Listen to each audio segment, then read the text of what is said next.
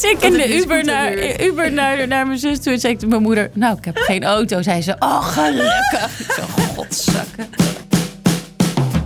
Hey, leuk dat je luistert. Wij zijn Kaatje en Marie en dit is Mind Matters, de podcast. Een podcast die we maken onder de vlag van mijn bedrijf Root.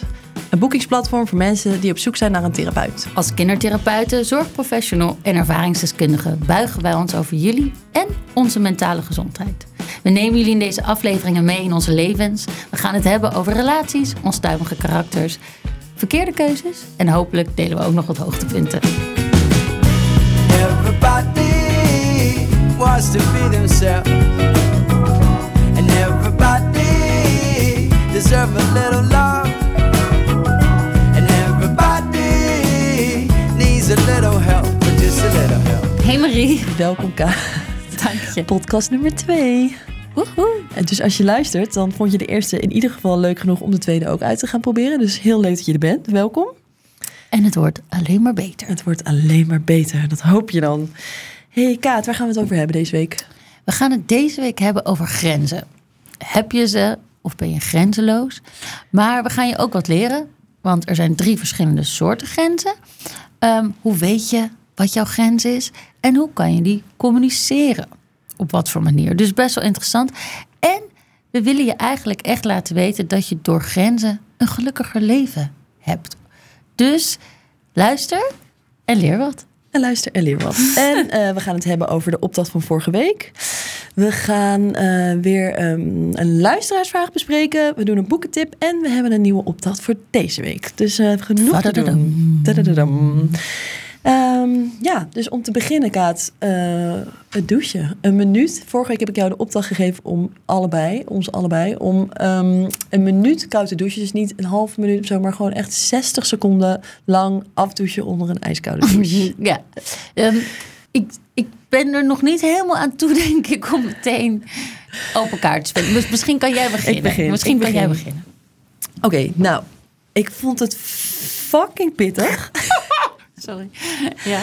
Ja, maar ik doe het normaal wel eens. Ik doe het normaal wel eens eh 10 seconden of 20 seconden. En dan vind ik het al echt heel knap van mezelf dat ik dat gedaan heb. Glenn die doet het elke dag. En ik doe dan heel even zo tiptoe aan het eind. Gewoon een soort, omdat ik ook Je pols denk dat het wel goed is voor je haar. Of zo een keer gehoord. En die minuut was echt rampzalig. Ik vond het echt heel erg pittig. Maar ik heb wel het idee... Dat is eigenlijk een beetje hetzelfde als wat ik heb als ik de mindfulness elke dag doe. Dat als je, iets, als je het echt elke dag doet, dat het wel oprecht zin heeft voor dat je je beter gaat voelen. Dus als ik uit de douche kom, merk ik nu wel.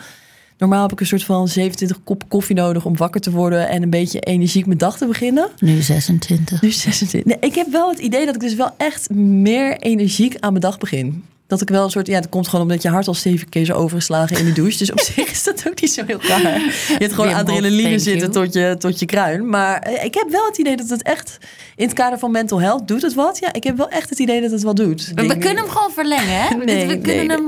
Dus ik laat het volgende keer vragen, maar dan weet ik misschien of ik het nog doe. Maar ik gok niet, niet een menu. Misschien ga ik het Ja, korter doen. instapmodelletje. Begin 20, 30 seconden en dan bouw je het op. Ja, dat je niet als een soort ijskonijn en zo bevroren naar je handdoek moet grijpen nog aan het eind van je tour. Nou, misschien, ik ga, vraag me over twee weken nog een keer. Zeker. Ik schrijf hem. Staat genoteerd. hoe was het bij jou, Kaat? Ja, kut. Ja? Ja.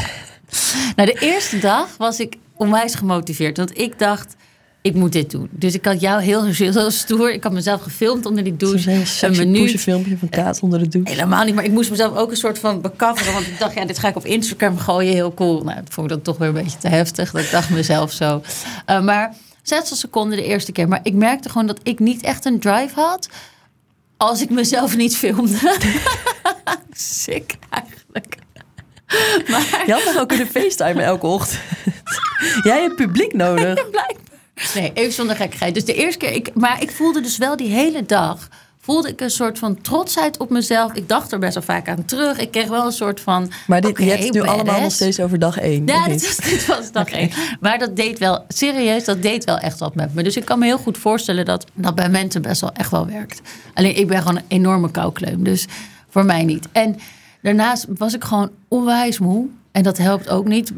Bij de winter staat bij, staat bij iedereen weer op de stoep. Maar, ehm, en dat betekent dat het bij ons thuis ook best wel een beetje zwaar is. George wordt gewoon een beetje depressief. En dat klinkt een beetje zwart-wit. Zo zwart is het natuurlijk niet. Alleen dan komen er depressieve episodes. En nu, afgelopen tijd, zitten we erin zo één. En dat betekent voor ons gezin ook dat we daar, eh, nou ja, zo goed, en zo goed en zo kwaad als het kan mee om moeten gaan. Maar ook ons een beetje moeten aanpassen. Ehm, en dat zijn van die momenten dat ik echt ook voor mezelf moet zorgen. En dat betekent ook grenzen stellen. Dus Ja, ik moet jeetje. af en toe zeggen: ik geef wel de zorg van de kinderen, laat ik bij jou, ondanks dat ik weet dat het lastig is, zodat ik ook kan blijven staan. Ja. Dat ze allebei omvallen. Ja, dat snap ik heel erg. En eigenlijk ook een heel mooi bruggetje inderdaad naar waar we het vandaag over gaan hebben.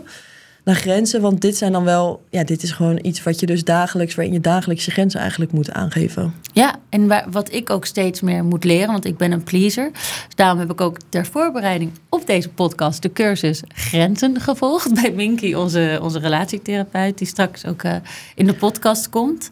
Ehm, en daarin heb ik eigenlijk een aantal dingen geleerd. Ik zal het zeggen, heb je wat, enlighten us, wat heb je opgestoken van de cursus? Vertel. uiter. Nou, het is eh, oprecht heel interessant. Ehm, je hebt eigenlijk, als je, als je er over na gaat denken, heb je zachte, flexibele en harde grenzen. Nou, een zachte grens.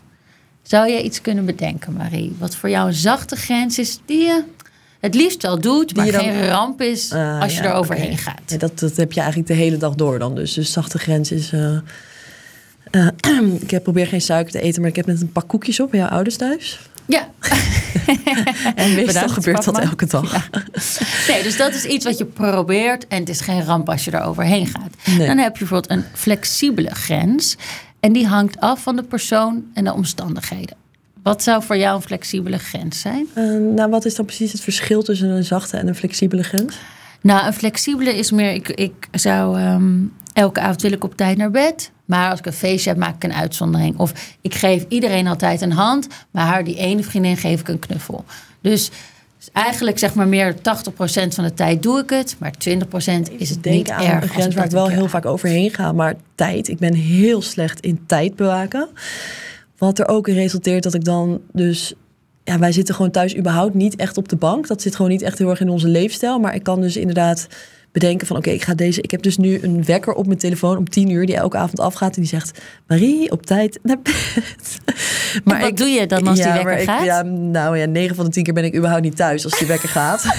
de afgelopen drie keer stond ik ook weet ik, in een paradies of zo. Dat ik dacht, ja, dit schiet niet op. Maar, ehm, Ik lig al in bed voordat die wekker gaat. ja, maar jij hebt kindjes, dan moet je wel. Ik, ik denk gewoon, nou shit, alweer 10 uur. Wat is er gebeurd met mijn dag? Ik heb nog niet eens gegeten. Zo gaat het bij ons thuis. Maar eh, ik heb ook nog vaak genoeg dat ik dan uiteindelijk gewoon tot 12 uur achter de computer zit. Omdat ik nog eh, aan het editen ben of aan het mailen. Of dat, dus dat is bij mij een grens die ik graag stel, maar die ik eigenlijk bijna nooit Nakom. waarborg. Nou ja. Maar goed, waar ik ook dus weer niet. Dus ik, ik zou graag iemand willen zijn die dat wel deed.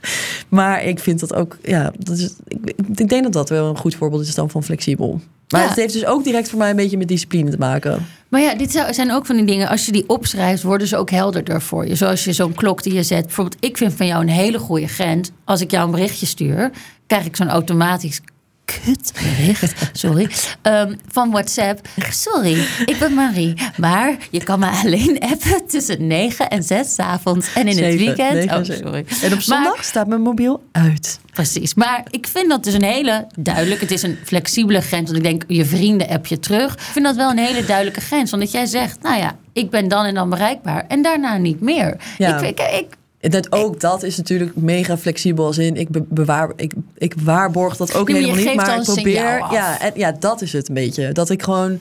Ik probeer in ieder geval het signaal af te geven. van. Bel me niet. Nee. Toch. App mij niet. Na zeven uur s'avonds. Nee, helemaal niet. Maar ik eh, probeer in ieder geval. Omdat mijn werktelefoon en mijn telefoon zijn dezelfde telefoon over het algemeen. En, waarom heb je dan nu twee ja, telefoons omdat mee? ik nu twee bedrijven heb, dus dan wordt het wel heel complex. Maar in ieder geval heb ik gewoon soms dat ik om 11 uur s'avonds in mijn bed lig en dan vraagt iemand van, eh, hey, heb je die foto eigenlijk nog in hoge resolutie? Denk ik echt, Oh, fuck ik lig off. in mijn bed, vrouw. Het is 11 uur en daarmee probeer ik dus met die, eh, met die Nou, ik wil directe je app. complimenteren hierop. Dat was Nou, eigenlijk dankjewel. de, probeer de ik een soort van bewust te zijn van normale mensenwerktijden, ook voor mezelf. Heel goed. Ehm, en dan een harde grens. Een harde grens is eigenlijk echt, daar ga je nooit overheen. Ja. Die weet je voor jezelf, never, nooit. Heb je die? Een voorbeeld geven? Ja, ik heb er heel veel. Ik ben, Nee, je bent ik ben, vegetariër. ben vegetariër, maar ik ben daarbij ook echt wel... ehm, ik denk dat ik veel principiëler ben dan dat veel mensen van mij denken. Ja, dat denk ik echt. Dus ik ben, ik ben namelijk eh, een hele chaotische... En ik, vrouw, ik vind alles leuk, maar ik ben echt best wel principieel. Dus ik heb denk ik best wel veel harde grenzen. Kan je, kan je nog eens wat voorbeelden daarvan En ik ben ook meer begrensd geworden sinds ik met Glenn ben. Dat is ook echt waar. Want wij waren allebei een soort van heel erg van eh ladila. Maar geef eens een voorbeeld van wat, wat jij, waar, jij begrensd in bent nu. Ehm, nou goed, inderdaad, dan qua eten. Ik eet geen vlees. Dat is ook echt gewoon... Nou, ze hebben mij laatst wel ergens in Amsterdam een, eh, een, eh, Beyond Burger gegeven... wat een gewone hamburger was. Dus ik heb laatst wel voor het eerste twintig jaar al een hamburger Doodziek? gegeven. Nee, ook er niks van. Maar, ehm, ehm, dus inderdaad vlees eten, maar ook... eh, ja, in relaties bijvoorbeeld. Ik ben wel echt... Ik ben een principieel goede vriendin. Dus je moet echt niet inderdaad nadoen over mijn vrienden bijvoorbeeld. Of... Ehm, ik vind het ook altijd heel heftig als vrouwen ehm, heel erg bijvoorbeeld zich storten op een bezette man. Dan kan dat soort dingen ook Oh, echt wel ja. heel principieel in. Dat ik Ja. gewoon denk van ja, ja, je, ja, je vertelt het alsof je een soort slachtoffer bent, maar ja, denk gewoon even zelf na. Dus ik ben wel gewoon, ik ben heel erg van de ge- afgebakende dingen en daar, daar gedij ik ook goed op. Ja, dus ik- je hebt gewoon een paar hele duidelijke grenzen en daaromheen. Ja, precies. Maar ik ben wel, ik denk wel, als je dat mijn allerbeste vrienden, die vinden mij denk ik ook wel principieel. En misschien wel, wel af en toe dat ze denken van, nou Marie, doe even chill zeg. Maar ik heb wel gewoon, ik heb die harde grens, heb ik er gewoon best wel veel van, denk ik. En om dan nog maar even door te gaan met die theorie. Als je die verschillende grenzen hebt, weet jij dan ook hoe je die het best kan communiceren? Want je hebt bijvoorbeeld drie communicatiestijlen. Heb ik allemaal van Minky geleerd.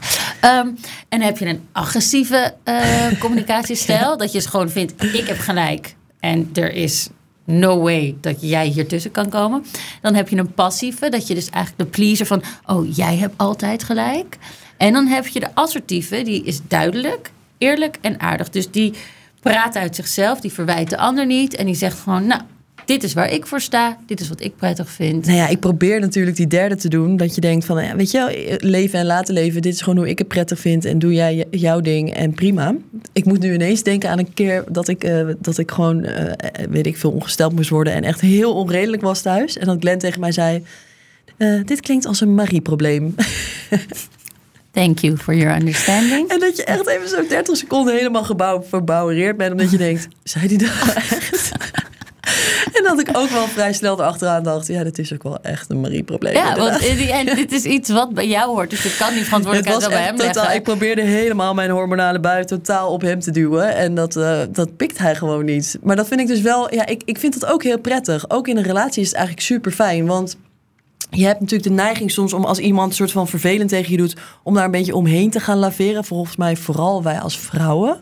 Dat je toch een beetje denkt van, oh, die persoon doet niet prettig. Ik ben niet nu duidelijk in dat ik dat niet fijn vind, maar ik ga gewoon proberen om er op een andere manier een beetje zo omheen te bewegen. En ergens is dat het hele duidelijke gewoon ook heel erg prettig. Ja. Dus waar ik normaal misschien nog een uur had lopen etterbakken, dacht ik ook gewoon, ja, je hebt gewoon gelijk. Ik ga wel even een rondje lopen buiten. Ja, weet je wat ik een heel goed voorbeeld vond? Dat, dat kwam in die cursus naar boven. Dat ze zei, als iemand aan jou vraagt, wat wil je drinken? En als jij dan zegt, oh ja, maakt niet uit. Dat dat super irritant is voor degene die jouw drinken moet halen. Want Je, je, moet geeft eigenlijk gewoon iets heel smerigs maken. Terwijl, zeg gewoon, ik wil koffie of thee. Want je geeft diegene een soort keus uit duizend dingen die hij heeft. Komt hij aan met spa rood, dan denk je, oh, nou, hm, toch ja, net jammer. Terwijl, het is heel oké om duidelijk te zijn en je grens aan te geven. Ja. Ik wil graag dit. Want wat, wat roept dit onderwerp bij jou op als zich? Zeg maar, als ik aan jou vraag, Kaat, Kaat, want jij bent... Ik denk dat Kaat best wel grensloos is. maar als ik jou vraag van, hoe, hoe, wat roept dit bij je op, het onderwerp? Heb je grenzen? Want ik denk dat jij vroeger best wel zo'n heel grenzeloos iemand was. Ja, Ja, nou, vroeger zeg maar gerust. Dan was ik dus ook helemaal verliefd op jou geworden. Was je echt mijn beste vriendin geweest ook. Ja, je kon mij heerlijk manipuleren Ja, waarschijnlijk. gewoon heerlijk. Zo. Oh, maar gewoon van die grenzeloze mensen zijn wel altijd hele leuke mensen natuurlijk. Nee, ja, ik, nee, ik denk dat ik inmiddels door heb dat inderdaad grenzen mij zelf een gelukkiger mens maken. En dat duidelijkheid iets heel, heel prettigs Ja, kan ik snap zijn. wel dat het nu dat dat heel goed gaat, maar hoe was het dan? Hoe was Hoe het was dan? grenzeloze kaatje? Grenzeloze Kaatje stond heel vaak te tongen in de cooldown met veel te veel mensen. Tot veel te Oh. laat. Lag veel te laat in bed. At veel te veel McDonald's. En deed gewoon precies waar, ze ze zelf zin zin in had. En voelde zich daar dan de hele dag schuldig over. Dat ze al die mensen had gekwetst. Al dat eten had gegeten. Al die drankjes had gedaan. Dus het leverde me helemaal niks op. Zie je, maar dus zelfzorg. I know. Het is gewoon hetzelfde. Een voorbeeld. Ik ging vorige week toch een paar dagen naar Portugal. Dus ik zeg tegen mijn moeder, nou ga ik even een auto huren. En mijn moeder kijkt me aan, je gaat helemaal geen auto huren. Weet je wel hoe die mensen daar rijden, daar in Portugal? Je hebt geen idee. En normaal zou ik altijd denken, ik kom niet voor mezelf op. Ik laat dit gaan. En nu zei ik tegen Maar moeder, luister je daar dan normaal naar als je moeder dat zegt? Ja. Oh, echt? Nou ja, ik denk, ach, pff, ja. Denk Nee, maar nee, nou, negeer Ja. je er gewoon en doe je gewoon je eigen ding? Of denk je dan ook echt, nee, ze heeft gelijk, ik doe het niet? Nou, vroeger zou ik mijn eigen ding doen. Nu inmiddels denk ik, ja, misschien heeft ze wel gelijk. Maar nu denk ik ook, ja, je hoeft ook weer niet door te slaan. Je mag ook gewoon wel nu voor jezelf opkomen en zeggen, je gaat over mijn grens zijn. Ik ben fucking bijna 35. Ik kan heus wel inschatten of het daar gevaarlijk is of niet. Heb je een gevaarlijk Ik heb een rijbewijs, hè? Ik heb een rijbewijs. Ik wil net zeggen. Nou, nee, nou moet ik Ik wel een eerlijk zijn. in de auto gezeten. Ik, ik, heb, ik was een keertje mijn rijbewijs verloren, kwijtgeraakt, aangehouden. Ik was een jaar of twintig. Op de scooter. Maar hoezo? Want je zat op een Ik had scooter en... wat eh, gedronken. Oh. Alcohol. Nou, dus ik dat rijbewijs wordt ingenomen. Toen moest ik een cursus doen. Maar tijdens die cursus ben ik een keer gaan autorijden. Toen ben ik aangehouden door de politie. Nee, dus ik, toen had ik mijn rijbewijs wel weer terug. En toen heb ik een keer mijn rijbewijs nog verloren. En toen heb ik gewoon de afgelopen acht jaar... heb ik geen rijbewijs fysiek gehad. Ik had natuurlijk wel een rijbewijs, maar niet fysiek. En nu vorige week heb ik hem voor het eerst opgehaald. Nee, joh, echt? Ja, ik wil wel, per se eh, nu die auto huren in Portugal. Toen had ik opeens een rijbewijs nodig. Oh. Toen voor het eerst dacht ik, hmm. Maar je hebt het dus wel gedaan ook. Je hebt hem gehuurd. Dus toen kwam ik aan. En toen kreeg ik hem niet mee. Want ik had niet de goede creditcard mee. Dus uiteindelijk die hele Ruzie kutauto. met je moeder en nieuw rijbewijs gehaald, maar geen auto. Dus ik Wat heb je Uber, naar? Uber naar, naar mijn zus toe. En zei ik tegen mijn moeder, nou, ik heb geen auto. Zei ze, oh, gelukkig. Ik zo, godzakken. Wat is jouw communicatiestijl? Hoe geef jij je grenzen aan? Nou, bijvoorbeeld afgelopen week met Josh. Dan zit je dus, nou, ik kan me voorstellen als je man in bed ligt en je hebt twee kleine kindjes, best wel intens. Ook Ja. gewoon allebei werken. Ja. Hoe geef je dan je grens aan? ja, dat is echt iets wat ik of dus helemaal niet doe. Of dan opeens kom ik uit een soort dode hoek. En, dan ben ik gewoon best wel... Die assertieve stijl. Ja, dat ik dan opeens zeg, en dan is het gewoon echt even te veel geweest. Dus dan, dat is wel iets waar ik gewoon, waar ik gewoon wat normaal relaxter in mag zijn. Dan mag ik zeggen, hey, het is oké. En nee, ik vind dat niet fijn. Of nee, ik wil graag op tijd naar bed, want anders trek ik het niet. Of nee, ik wil, kan niet naar dat feestje, want ik heb daar geen energie voor. Gewoon normaal over dit soort dingen praten. In plaats van het doen vanuit een soort fight or flight. Ik, Ja, precies. Dus of heel grenzeloos zijn en alles maar doen. Of in één keer helemaal klaar met grenzeloos zijn en Ja. dan super assertief worden. ja, en dan, en dan ook daarna zwijgen. Een soort van, Maar dat is denk ik ook wel het ding met grenzen. Je moet er gewoon best wel wat zelfkennis en zelfbewustzijn voor hebben. ja. Want ook weer in het kader van het onderwerp van vorige week, als we het hebben over eh, hechting. Iedereen gaat gek worden, want ik ga het hier elke aflevering over hebben, omdat ik het zo'n belangrijk onderwerp vind. Maar als je bijvoorbeeld heel angstig gehecht bent, dan ga je eigenlijk automatisch bijna altijd al heel heftig over je grens heen. Omdat je gewoon iemand wil pleasen en in de buurt wil houden. ja. Maar ik denk dat die hechtingsstijl al binnen een relatie je eigenlijk automatisch al de hele tijd over je grens heen aan het gaan bent. Ja. En dat is ook weer dat je tot op zekere hoogte kan je je afhankelijk opstellen van mensen. Maar dat betekent niet dat je inderdaad grenzeloos hoeft te zijn. Dus daar hoe- zit gewoon een best wel een mooie middenweg in. En die moet je gewoon zelf gaan uitzoeken. Dus schrijf je grenzen op. Denk eens aan die zachte, die flexibele en die harde grenzen. Schrijf dat eens op voor jezelf. En dan kan je er ook makkelijker naar terug soms. Dan gaan we nu naar de luisteraarsvraag, Kaat. En eh, net als vorige week vragen we elke eh, aflevering iemand eh, van ons platform Root... ehm, om antwoord te geven op deze vraag. En vorige week hadden we daarvoor relatietherapeut Minky Gillis. En eigenlijk had Minky zo'n fantastisch antwoord... en een cursus over grenzen... waar we achter kwamen dat we dachten van... nou, we gaan Minky gewoon deze week weer vragen. Ehm, dus we bellen Minky in. Hallo met Minky. Hey Minky. Hey Minky, Met wat Kaatje en Marie. Met Kaatje en Marie. En jij bent Hallo. ziek op bed, hebben wij vernomen. Dus we zijn heel blij dat we je toch mogen bellen. Ja, klopt. Hoe lig Maar jij gelukkig erbij? kan bellen ook vanuit bed. Hey Minky, misschien dat jij jezelf nog heel even kort wil eh, introduceren... voor wie jou vorige week niet gehoord heeft. Ja, zeker. Nou, ik ben Minky. Ik werk als eh, relatietherapeut of systeemtherapeut, zoals je dat in vakterm noemt.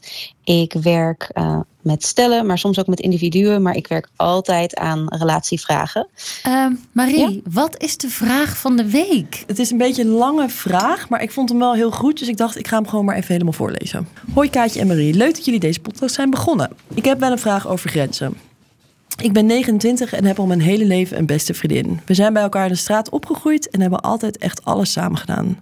De basisschool, de middelbare school en we zijn zelfs naar, hetzelfde, naar dezelfde studie gegaan... en vanuit het dorp in Noord-Holland samen verhuisd naar Amsterdam. Eh, en in een studentenhuis gaan wonen. Kortom, we zijn een soort zussen. Altijd bij elkaar en heel veel samen meegemaakt. Nu heeft mijn vriendin een hele zware jeugd gehad. Er waren heel veel heftige problemen binnen haar gezin. En hier zijn we dus ook samen doorheen gegaan ehm, al een hele tijd. Het was altijd een beetje wij tegen de wereld.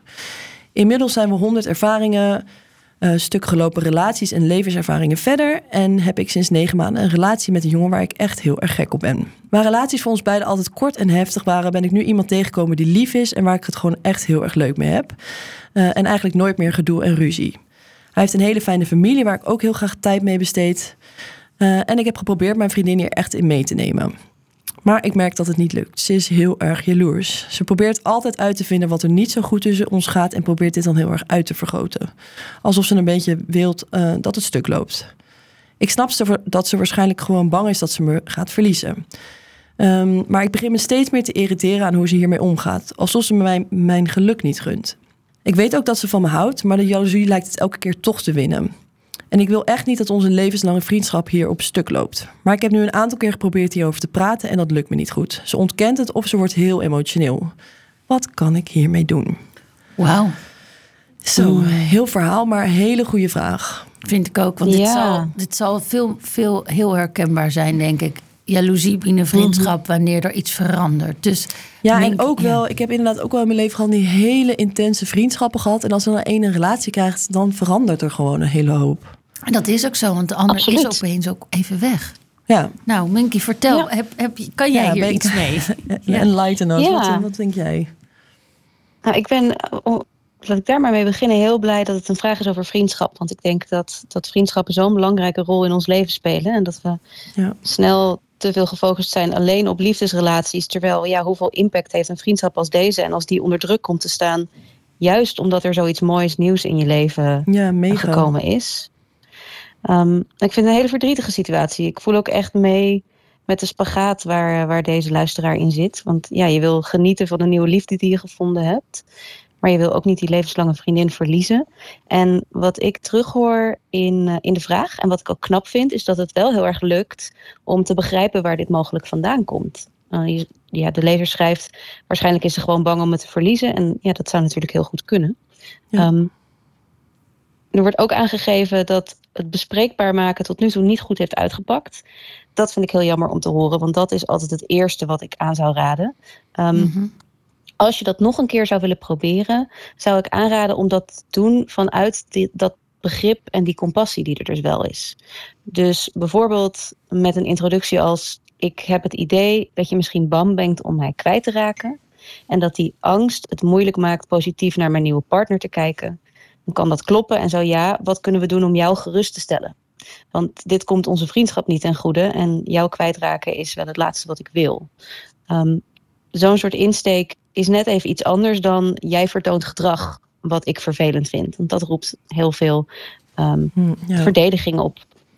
En op deze manier zou het misschien meer een uitnodiging zijn om eens te kijken van hé, hey, we hebben samen een probleem. Jij voelt je niet veilig in de vriendschap. Wat kunnen we daarmee? Komt daar geen goede reactie op, dan wordt het inderdaad tijd voor een grens. En ja, ik kan niet voor de luisteraar bepalen hoe die grens eruit zou moeten zien. Ehm, maar ik zou me kunnen voorstellen dat je eh, iets zegt als: als jij in de toekomst akelige dingen over mijn relatie of mijn partner gaat zeggen, dan ga ik gelijk het onderwerp veranderen. Dus en dan ga ik er er, verder niet op in. sorry, je hangt er een consequentie aan eigenlijk. Ehm, ja, ik zeg altijd van je moet eigenlijk bij grenzen nadenken over consequenties. En uh, een belangrijk iets over consequenties vind ik: een consequentie uh, is bedoeld om jouw grens te bewaken en niet om te straffen. Dat is waar die vaak misgaat. Ja, dat, um, want ik dacht wel inderdaad dat je dan zou kunnen zeggen: van als je het daarover hebt, dan, uh, dan ga ik weg of zo, weet je wel. Maar dan is het gelijk een soort van straf bijna. Ja, dat is best wel heftig. Ja, ja, ja. Kijk, ik, ik zeg wel eens als een partner of een huisgenoot bijvoorbeeld allerlei servies door het huis heen laat staan en jij bent degene die dat opruimt, um, dan zou een passende consequentie kunnen zijn als die dat gedrag niet wil aanpassen. Luister, ik ga het niet meer voor je doen. Dus op een gegeven moment zijn de glazen gewoon op en dan was ik voor mezelf een glas af. Ja. Um, Ja. ja, dat is een consequentie van het gedrag. Of als jij altijd te laat bent en ik sta op jou te wachten, dan ga ik alvast weg. En dan kom je maar zelf naar het feestje toe of de afspraak die we hebben. Dat is een passende consequentie. Ik zou altijd kijken naar wat is de, de consequentie waarmee ik mijn grens bescherm. In plaats van uh, een ander uh, het een beetje in probeert te wrijven. En ik zeg ook altijd, je moet iemand ook wel de, de optie geven om te snappen wat de gevolgen zijn van acties. Dus daarom communiceer je een consequentie bij voorkeur op het moment dat je een grens aangeeft. Dus in dit geval, als je zegt van hè, dan, dan ga ik er niet meer op in. Um, of dan verander ik het onderwerp. Dan weet de vriendin in kwestie ook van wat gaat er gebeuren als ik erover begin. En als dat een paar keer gebeurt en het blijkt echt niet te werken. Dus ze blijft doorgaan. Ze blijft het, het gesprek op de partner en de relatie brengen. Um, dan zou je nog kunnen zeggen, kunnen we, uh, kunnen we samen afspreken dat, je het er sowieso, dat we er sowieso niet meer over hebben. Dan maak je het iets van jullie samen. Um, en pas op het moment dat al dat soort dingen niet werken, zou je inderdaad kunnen zeggen, oké, okay, dit is te akelig, ik ga weg als je hierover begint. Maar dat is ook voor jezelf best wel heftig, want het doel is juist Verbinden. om de vriendschap te beschermen. En dus ja. je moet ook heel blijven, consequent ja. blijven eigenlijk in je communicatie. Dus je, moet, je kan niet opeens zeggen, oh nee, dit keer wil ik er wel over praten en volgende keer niet. Nee. Dus je moet eigenlijk heel consequent zijn in je, in je, in je uh, consequenties. En misschien, ik denk... Toch of niet? Zeg ik dat niet ja. goed? Ja, ik zit nog te denken, Minky, ik denk, het helpt natuurlijk ook als je uitlegt wat het met jou doet. Zeker, zeker. En ik zou ook um, zeker in dit geval duidelijk maken dat een grens, of deze grens dus niet bedoeld is om te straffen, um, maar juist heel erg gericht is op de vriendschap beschermen. Ja. Dus ik kan me voorstellen dat er iets van een reactie zou komen als ja, maar ik moet toch kunnen zeggen wat ik vind over je vriend. Dan zou ik in een geval als dit iets zeggen als ja, ik zie dat je het beste met me voor hebt en dat waardeer ik. Maar dit is voor mij op dit moment de beste manier om onze vriendschap te beschermen. Ja, dus dat ja, je duidelijk dat maakt dat dat is waar je samen aan werkt. Dus het is ook dan niet zo op de man af. Het is meer over het algemeen goed. En heel de liefdevol eigenlijk. Ik wil onze Heel. vriendschap beschermen en dat is eigenlijk alleen maar heel erg liefdevol. Marie wil alles liefdevol. Ik wil alles liefdevol.